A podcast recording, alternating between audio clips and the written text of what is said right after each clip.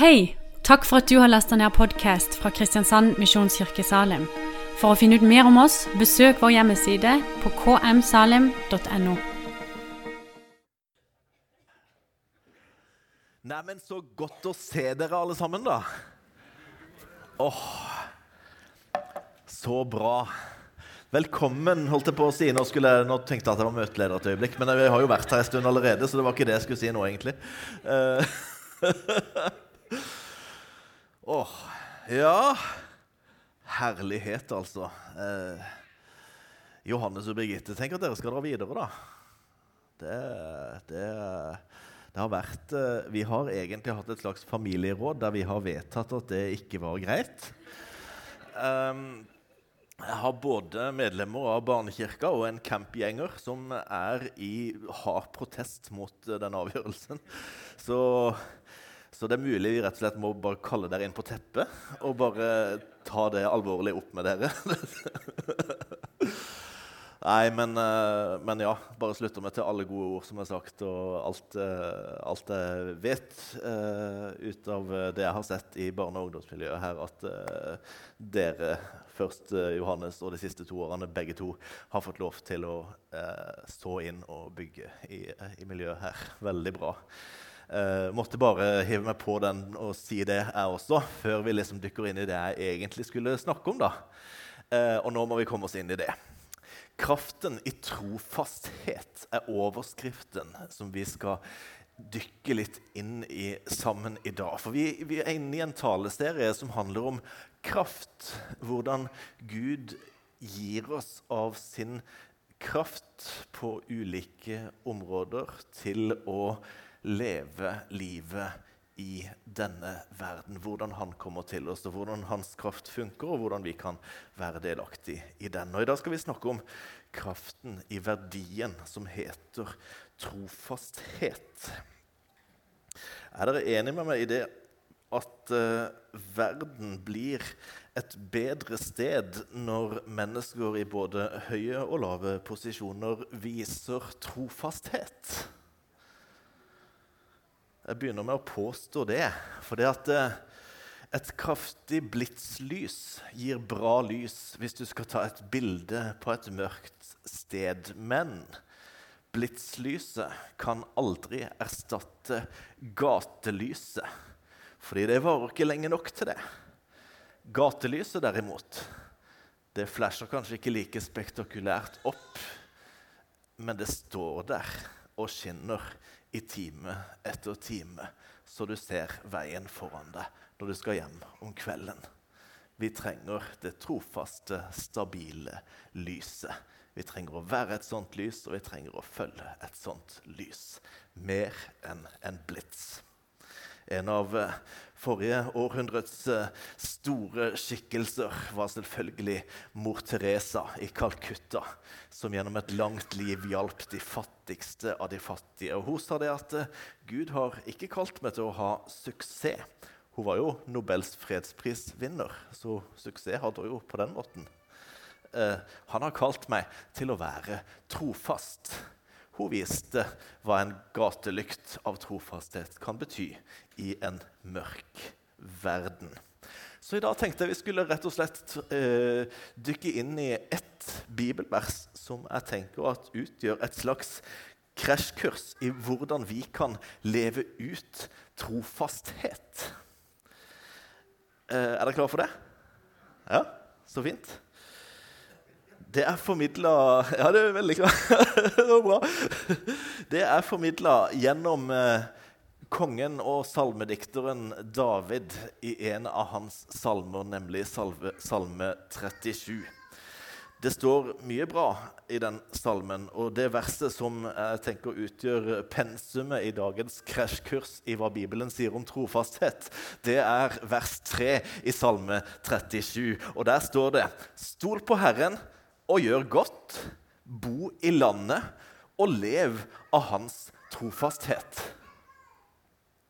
Konteksten for den uh, instruksen det er uh, at det handler om hvordan vi kan reagere i møte med urettferdighet. Det er ikke hvordan vi helst skal legge opp timeplanen når alt uansett går på skinner og ingenting er utfordrende. Nei, det handler om når vi står overfor en verden som bikker imot oss. Konteksten kommer i de to første versene.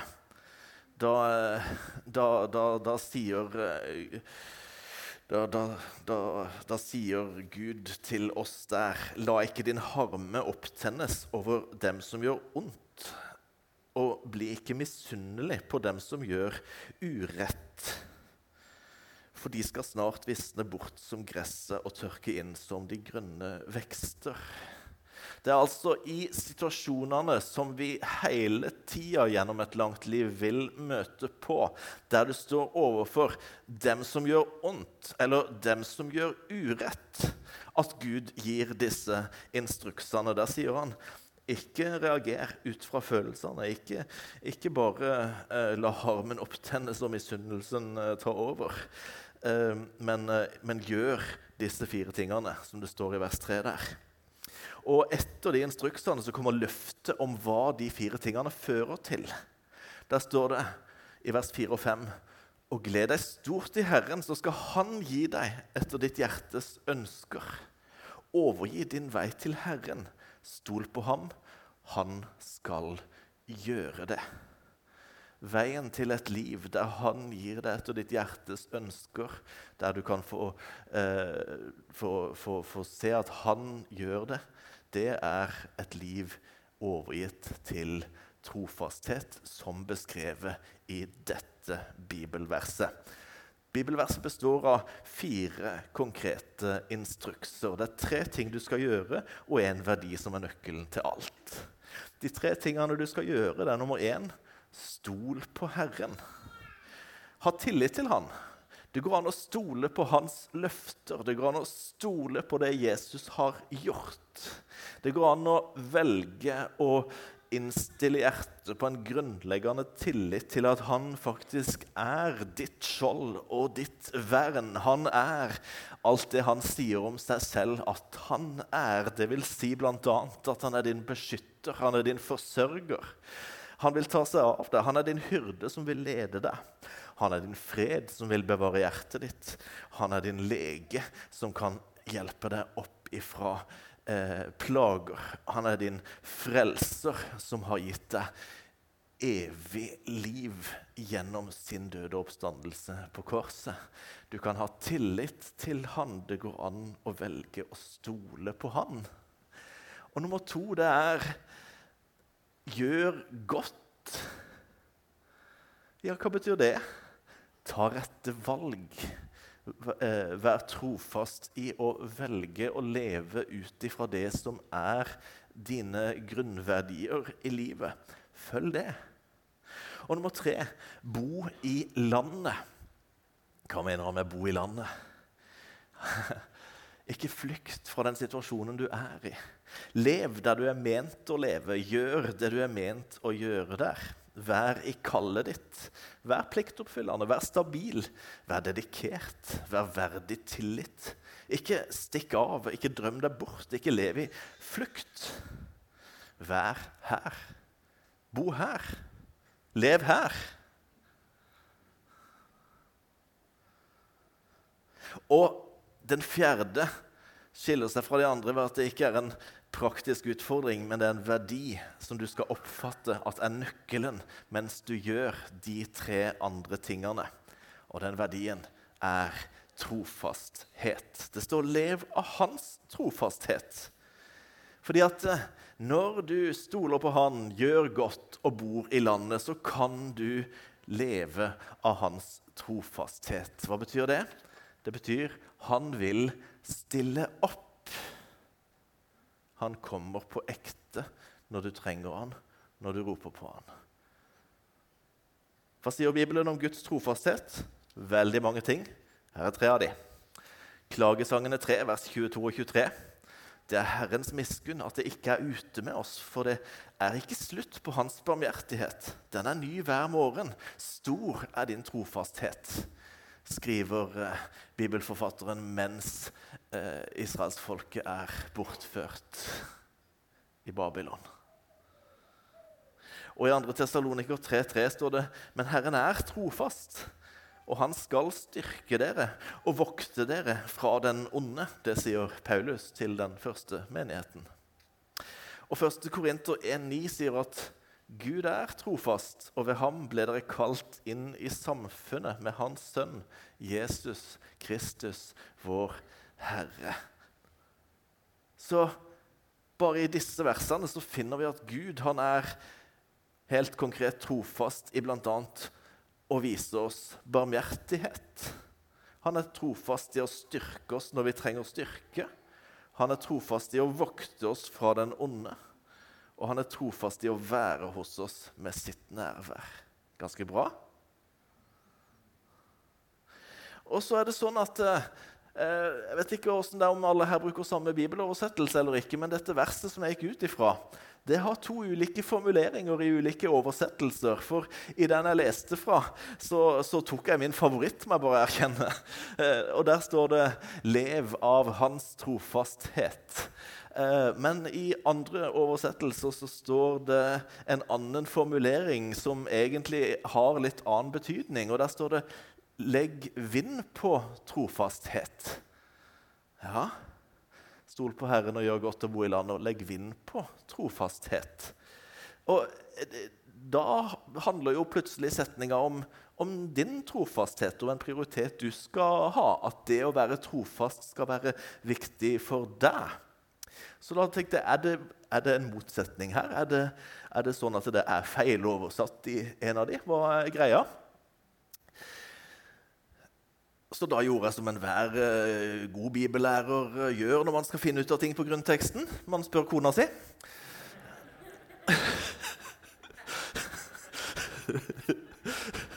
Det er liksom uh, det, er det nest lureste du kan gjøre, utenom å sjøl studere gammelgresk og hebraisk, sånn at du kan få, få pløyd i dybda. Det er å gifte deg med noen som har gjort det. Så, så, det er bra. Så applaus for grunnteksteksperten min her.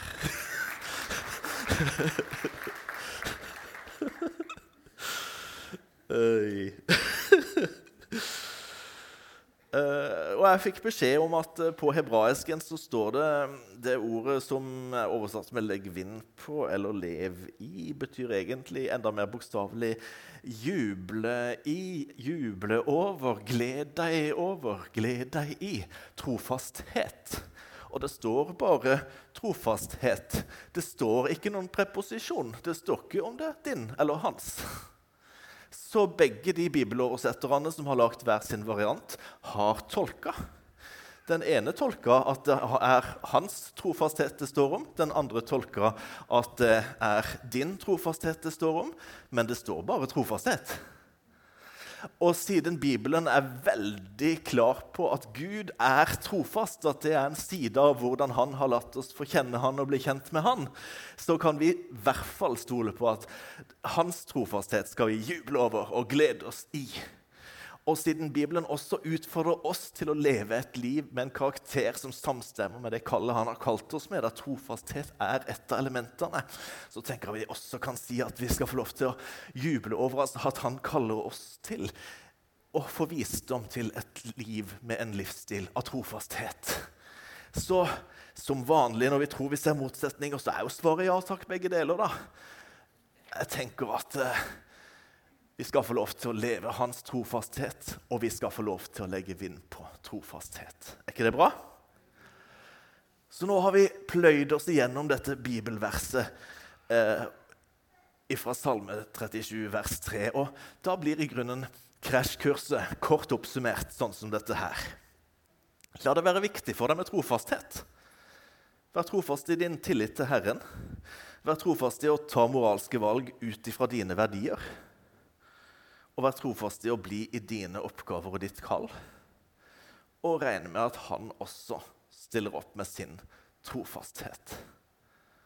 Det sitter jeg igjen med som det han sier til oss som nøklene til et liv i trofasthetens kraft, der vi får lov til å fungere som en gatelykt istedenfor et blitslys, og der vi får lov til å erfare at han stiller opp når vi trenger det. Trodde dere var ferdig nå? Jeg kunne sikkert vært det, men jeg hadde tenkt å ta dere med på et par eksempler fra Daniels bok, som jeg syns er noe av det mest eh, eh, talende av, eh, av, eksempler på hvordan vi som mennesker i en fremmed verden eh, utfordres av nettopp dette kallet her. Situasjonen er altså denne. Kongen av Babylon han har plyndra Jerusalem, han har bortført Israels konge. Og han har også tatt med seg noen unge, ressurssterke menn som han hadde tenkt å gjøre til ressurser i sitt kongerike. Prosjektet for denne elitegjengen fra Jerusalem som han har tatt med seg til Babylon, det er at eh, de skal bli ressurser der. De skal assimileres inn i en annen kultur, et annet liv, med andre guder. Fire menn var ikke med på notene. De heter Daniel, Hanania, Mishael og Araya. De tre sistnevnte kjenner vi oftere under navnene Shadrach, Mechak og Abednego, som var navnene de fikk av kongen de var bortført til mens de var i Babylon. De fire valgte å være trofaste i det å ta sine moralske valg ut fra sine verdier helt fra starten av, når de var havna i et samfunn som ropte til dem at hvis dere vil være en del av det store flertallet her og ha sjanse på å beholde eliteposisjonene, så må dere dyrke våre guder. Så må dere bøye kne for vår konge. Daniel han hadde satt seg for i sitt hjerte står det i kapittel 1, vers 8, at han ikke ville gjøre seg uren med den delen han fikk av kongens lekre retter, eller med den vinen kongen drakk. Derfor så ba han Herren over hoffmennene om å få slippe å gjøre seg uren. Alle fire valgte dette. De tre andre var med han på det. Så de, de, spurte pent om lov. Kan vi få lov til å slippe det kjøttet som er forbundet med avgudsdyrkelsen, og dermed slippe å bli del i den?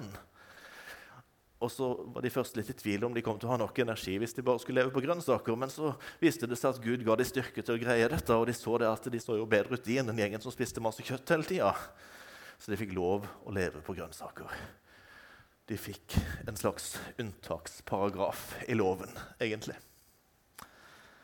Som ga de mulighet til å leve ut sine verdier. De fire de eh, mens de levde i tråd med sin overbevisning, så oppdaga de gaver Gud hadde eh, hadde utrusta dem med. Gud ga disse fire unge mennene kunnskap og forstand på all slags skrift og visdom. Daniel han eh, skjønte seg også på alle slags syner og drømmer, står det. Og De brukte altså disse gavene sine til å trofast bo i landet til å innfinne seg med situasjonen slik den var, gjøre de oppgavene de blei satt til, være i sitt kall til å utøve den visdommen de hadde gaver til, der de var der og da. Og da er det sånn at den som er tro i smått, blir satt over større. Så da dagene var omme og kongen hadde sagt at de skulle føres inn, så førte den øverste hoffmannen dem inn for Nebukadneser, kongen. Og Kongen talte med dem, og det fantes ingen som Daniel, Hanania, Mishal og Asaria blant de alle. Derfor skulle de gjøre tjeneste hos kongen. Og så er det jo spektakulært når det står at i enhver sak kongen spurte dem om, som krevde visdom og forstand, så fant han dem å være ti ganger bedre enn alle spåmenn og åndemanere i hele hans kongedømme. Så de, de våga å bo i landet og bruke gavene sine på en, eh, på en, på en, eh, en bane som i utgangspunktet vært, var en bortebane og må ha virka vanskelig. Men de, de, tok først valget om å stå for sine verdier og ikke slippe på dem. Og de tok så valget om å bo i landet og bruke gavene sine. Og så, da motstanden kom, så så, så, så, var de trofaste også i det tredje punktet å stole på Herren. De var trofaste i sin tillit til Han. Det står eh, at det kom en tid da eh, kong Nebukadneser lagde en billedstøtte av gull. Den var 60 alen høy og 6 alen bred. Han satte den opp i Duradalen i provinsen Babel. Og så beskriver historien i Daniels bok hvordan det var en innvielse, en storstilt happening. Der de, det var pomp og prakt. Hele kultureliten var til stede. Den politiske eliten var til stede. Myndighetene var til stede. De sa dette er bra saker. Jeg tror de hadde en parade også, til og med, faktisk.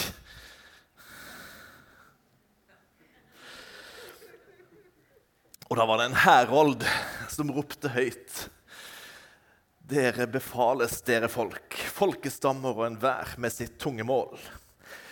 På den tiden dere hører lyden av horn, fløyte, lyre, harpe, lutt og trommer sammen med all slags musikk. Når vi sier at det er fest, en spesiell måned i året, en 30-dagersperiode kanskje, i hvert fall akkurat nå var det en innvielsesfest, skal dere falle ned og tilbe gullbilledstøtten som kong Nebukadneser har satt opp. Den som ikke faller ned og tilber den, skal straks kastes i en brennende ildovn. Det var drøyt. Og da var det jo noen av folk som var misunnelige på disse tre Shadrach, Meshach og Abednego, som de var blitt kjent under nå. Disse mennene konge, tar ikke hensyn til deg. De dyrker ikke gudene dine. Og de tilber ikke gullbilledstøtta du har reist. De er ikke med. Kongen ble sinna. I vrede og harme så ga Nebukadneser befaling om å hente Shadrach, Meshach og Abednego. De ble ført fram for kongen, og Nebukadneser antok ordet og sa til dem, er det sant, dere tre, at dere ikke dyrker mine guder og ikke tilber gullbilledstøtten som jeg har satt opp? Vil dere ikke det? Splitter dere samfunnet? Er dere hatefulle eller noe?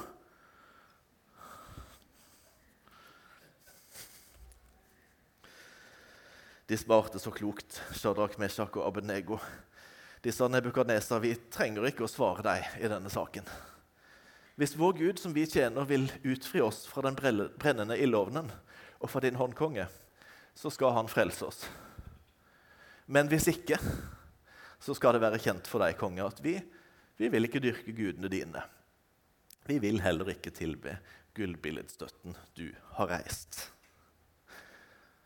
Det svaret der synes jeg klinger som kanskje verdenshistoriens beste svar i møte med noen som vil ha deg til å kaste over bord din grunnleggende tillit til at Gud er en Gud som er verd å følge, og de overbevisningene han har gitt deg, er verd å ha.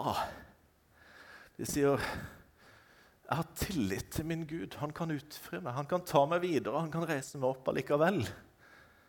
Men hvis ikke, hvis omstendighetene skulle tilsynelatende vinne her og nå, og det skulle gå galt med meg, så skal du vite det at jeg vil uansett ikke dyrke dine guder. Tilliten til Gud, tilliten til de valgene han har ledet til, var uansett sterkere, selv om det som lå foran dem, var uvisshet om de kom til å leve dagen etter. Så det står at de tre mennene Shadrach, Meshach og Abednego de falt bundet inn i den brennende ildovnen.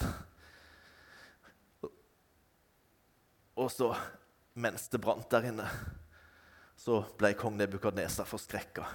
Han reiste seg brått og talte til rådgiverne sine. Var det ikke tre menn vi kasta bundet inn i ilden? De svarte og sa til kongen ja, det er helt sikkert konge, men se, svarte han. Jeg ser fire menn bevege seg fritt. De går omkring i ilden. De er ikke skadet. Den fjerde ser ut som Guds sønn. Gud var i stand til å fri de ut. De valgte å stole på han, de valgte å gjøre godt, de valgte å bo i landet. Og de levde ved Guds trofasthet. Han tok de gjennom ilden og ut igjen på andre sida. Og hva ble frukten av at de kom uskadd ut? Jo, Nebukadneser tilba Gud. Og de tre ble forfremma. De som hadde lagt vind på trofasthet, fikk leve av Guds trofasthet. Det er bra. Og så er greia det at eh, Daniels bok antyder også for oss at eh, akkurat dette mønsteret her, det samme gjentar seg i hver generasjon. Det er ikke over med én historie. Mye seinere i Daniels liv, etter at både Nebukadneser og hans sønn Belsasar var borte, og det var kommet en annen konge i landet som het Darius, da var Daniel blitt en, eh, en, eh, en voksen mann siden sist. Han, eh, han, kom da i situasjonen der det var hans tur til å bli utfordra på lignende vis som de tre vennene hans hadde vært i ildovnen i ungdommen. Ja. Eh, han, trof, han, hadde hele den tida her vært trofast i det å bo i landet. Daniel han beskrives som pålitelig og, og tillitsverdig. Og det står i eh, Eh, kapittel 6 eh, vers 4 at Daniel han utmerket seg blant riksrådene og satrapene, altså sjefene i landet, de andre regjeringsmedlemmene og statsrådene og sånn. Fordi det var en enestående ånd i ham. Og kongen han planla å sette ham over hele kongeriket. Han hadde vært tro i smått og stadig større og var i ferd med å bli satt over virkelig stort. Det var krefter som ville ha hans posisjon, som ville bruke hans karakter imot han, Men han var trofast også i det å gjøre godt og følge sin overbevisning. Så de skulle ta han, riksrådene og satrapene, de andre toppsjefene. En politisk eh, konspirasjon mot eh, Daniel.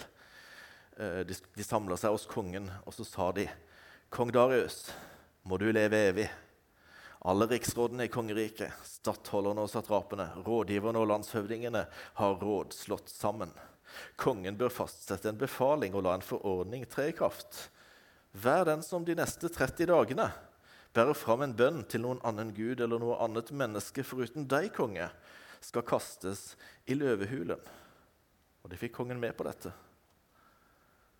Den neste måneden skal alle tilbe kong Darius. Da Daniel fikk vite at dette skrivet var blitt undertegna, så står det at han eh, gikk til huset sitt.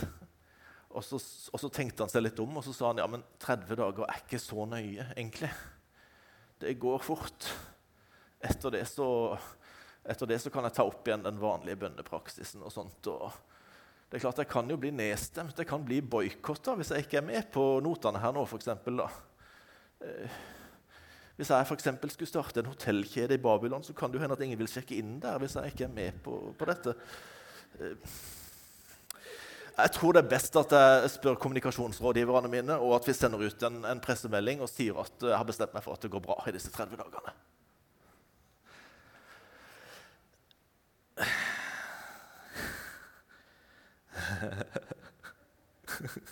Det var litt gøy òg. Nei da. Uh, I stedet for så står det om Daniel at han gikk til huset sitt og så gikk han opp i salen ovenpå, i andre etasje. Og, og, og, han hadde en høy stilling, så han hadde sikkert et bra hus som, som var synlig fra litt avstand. og sånt også, I byen der, vil jeg, vil jeg tro. Og så står det at han hadde vinduene på vidt gap. Han insisterte på offentlighet rundt sin trosutøvelse og sin overbevisning. Og så la han seg på kne, vendt mot Jerusalem. Og så ba han til kongenes konge tre ganger daglig, akkurat som han alltid hadde pleid, står det. Han holdt fast ved sin overbevisning. Han valgte trofasthet i å ta moralske valg ut fra sine verdier. Og hva er resultatet av det, da? Ja, han ble jo tatt. Og han ble ikke bare boikotta, han ble kasta til løvene sånn som forordninga var. Og i forhold til hvordan Daniel opplevde det å skulle hvile i Guds trofasthet når dommen kommer og han skjønner at løvehula er neste stopp, så står det ikke noe sitat av Daniel. Det står ikke hva han sa. Men det står noe om hva kongen sa. Og det syns jeg er interessant. For det ser ut som at Daniels trofaste tillit til Gud var så smittsom at selv kongen var blitt grepet av den. For i vers 17 så sier kongen til Daniel Åh, din Gud, han du stadig tjener, må han utfri deg. Den som uttrykker et håp om at Daniel skal bli utfridd fra løvehula, er kongen som sender han i løvehula. Han kunne ikke få reversert loven sin, for det gikk ikke an. Men eh, han var søvnløs hele natta før, står det. Han fasta.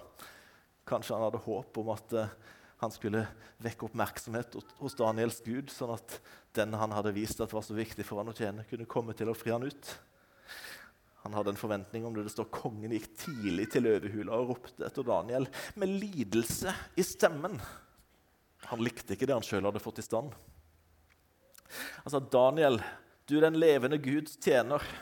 Har din Gud, ham du stadig tjener, kunnet frelse deg fra løvene?' Og så venter han på svar. Og hvis det tok noen sekunder, så tipper jeg at hvert sekund må ha føltes som en evighet. Og så svarer Daniel, kongen Kongen lever evig! Min Gud sendte sin engel og lukka løvenes gap. Så de har ikke skada meg. Fordi jeg ble funnet uskyldig i hans øyne, og heller ikke mot deg har jeg gjort noe galt, konge. Daniel ble faktisk bevart, og han fikk leve av Guds trofasthet. Og kong Darius begynte å tjene den levende Gud. Er ikke det fint? Så vi står jo i det samme krysspresset som de eh, fire mennene i Daniels bok. Vi utfordres til å trofast bo i landet, leve det livet vi har, i det kallet vi har.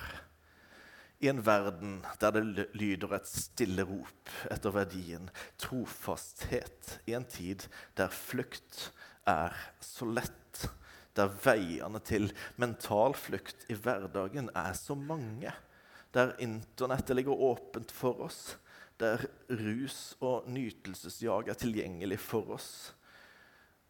Der vi dras mot å døyve samvittigheten fra det vi en gang visste var det vi egentlig skulle gjort. Og vi utfordres til å trofast ta valg på, basert på våre verdier. Vi utfordres i dag til å be med vinduet oppe, som Daniel gjorde. Kong Darius utropte en, en 30 dagers periode der alle skulle bøye kne for han. I vår tid er det, er det ikke konger som personer som forlanger dette, men, men, men, de samme strømningene som var i kong Darius, er til stede i ideologier som krever at alle skal bøye kne for de sine påstander. Vi kalles til å akseptere eh, gudløse ideologier på tvers av vår overbevisning. Vi kalles av Gud til å be med vinduet oppe i stedet for. Ja. Og vi utfordres til å være trofaste i vår tillit til Gud midt i dette. At når urett rammer, så har vi en som er større enn oss sjøl, som kan føre oss igjennom. Og hvis ikke, som Shadrach Meshach og Abednego sa, så vil vi likevel ikke tilbe avgudene. Er det vanskelig, dette her? Kjenner vi på at vi ikke alltid har levd opp til idealene i dette. Jo, men velkommen i klubben. 2. Timoteus 2,13, der sier Paulus, er vi troløse, så forblir han trofast. For han kan ikke fornekte seg selv. Han vet om da du sto, fast. Han vet om det du kjenner på i møte med det jeg sier akkurat nå. Han vet om det, for han var der. Og sjøl så er han alltid den han er. Og som den han er, så gjorde han det mulig for troløse mennesker å bli frelst. Mens vi enda var langt borte, så døde Jesus for oss for å gi et nytt liv. Det gjorde han ved å ta på, oss, på seg sjøl alt det er du ikke greide. Han tok det med seg på korset nagla skyldbrevet der. All gjelda som vi hadde for alt vi eh, har, har trådt feil i. Og så tok han det på seg og ga livet sitt og ropte ut fra korset at det er fullbrakt. Det betyr betalt fullt ut. Det betyr full tilgivelse for alt som har vært, for alt som er, og for alt det som kommer. Det kan du ta imot med å stole på hans verk på korset. Når du tar imot det, så, så, kommer han inn i hjertet. Og med han i hjertet så begynner han å prege der han er med, med sine karaktertrekk. Og et av de er trofasthet. Og den trofastheten vi er kalt til å vise, det er ikke den vi koker opp sjøl fra fødselen av. Det er en trofasthet som han vil virke frem i oss. Da blir vi som en gatelykt. Det er fint med en demonstrasjon i året for noe vi tror på. Det er ikke så forpliktende de andre 364 dagene. Det kan bli et bra blitslys av det. Kanskje kan det bli oppmerksomhet rundt en sak på en god måte. Men trofasthet, som Han får virke fram med oss gjennom at vi tilbringer tid med Han og lar Han få prege oss med sine karaktertrekk, den gjør oss til lys hver dag. Den gjør at du kan bli stående som en gatelykt den gjør at du kan leve av hans trofasthet mens du legger vind på trofasthet. Så velkommen til livet som gatelykt. Jesus, takk for at, uh, at vi kan få stille oss fram for deg, Herre, med, med, alt det vi er, og med alt det vi har. Vi kjenner på utfordringene fra uh, press i samfunnet mot verdiene vi, vi er overbevist om at er gode verdier for, for, oss og alle mennesker. Og vi kjenner på at det ikke alltid er lett å bevare frimodigheten og, og, og ta de gode valgene. Vi kjenner på at uh, vi trenger deg, vi trenger din kraft. Og vi kjenner på at du som er trofasthetens Gud, må komme oss til hjelp og bygge trofasthet som karaktertrekk i oss, så vi blir stående som lys for deg gjennom alle tider, i alle tider utfordringer. I Jesu navn. Amen. Kjenner du på at uh, det hadde vært godt å gi respons innenfor Gud uh, på dette her, så er du velkommen mens vi synger, til å trekke inn på bønnerommet bak. La det gjerne bli kø. Det trenger ikke å være den verste krisedagen i ditt liv for å søke forbønn. Det er lov å gjøre det eh, også om alt kjennes greit ut. Kanskje har Gud minnet deg på noen år. Kanskje kjenner du at det bare blir godt å bli velsigna av noen. Kanskje kjenner du på at eh, Gud utfordrer deg på eh, et av disse fire områdene av å leve ut trofasthet, som vi har snakka om i dag. Eh, velkommen på, på bønnerommet. Du er også velkommen til å bli sittende der du sitter og snakke ut med Gud, være i lovprisning og tilbedelse innenfor Han. La han få lov til å berøre deg, la han få lov til å snakke til deg der du sitter. Kanskje han legger noe i hjertet ditt. Amen.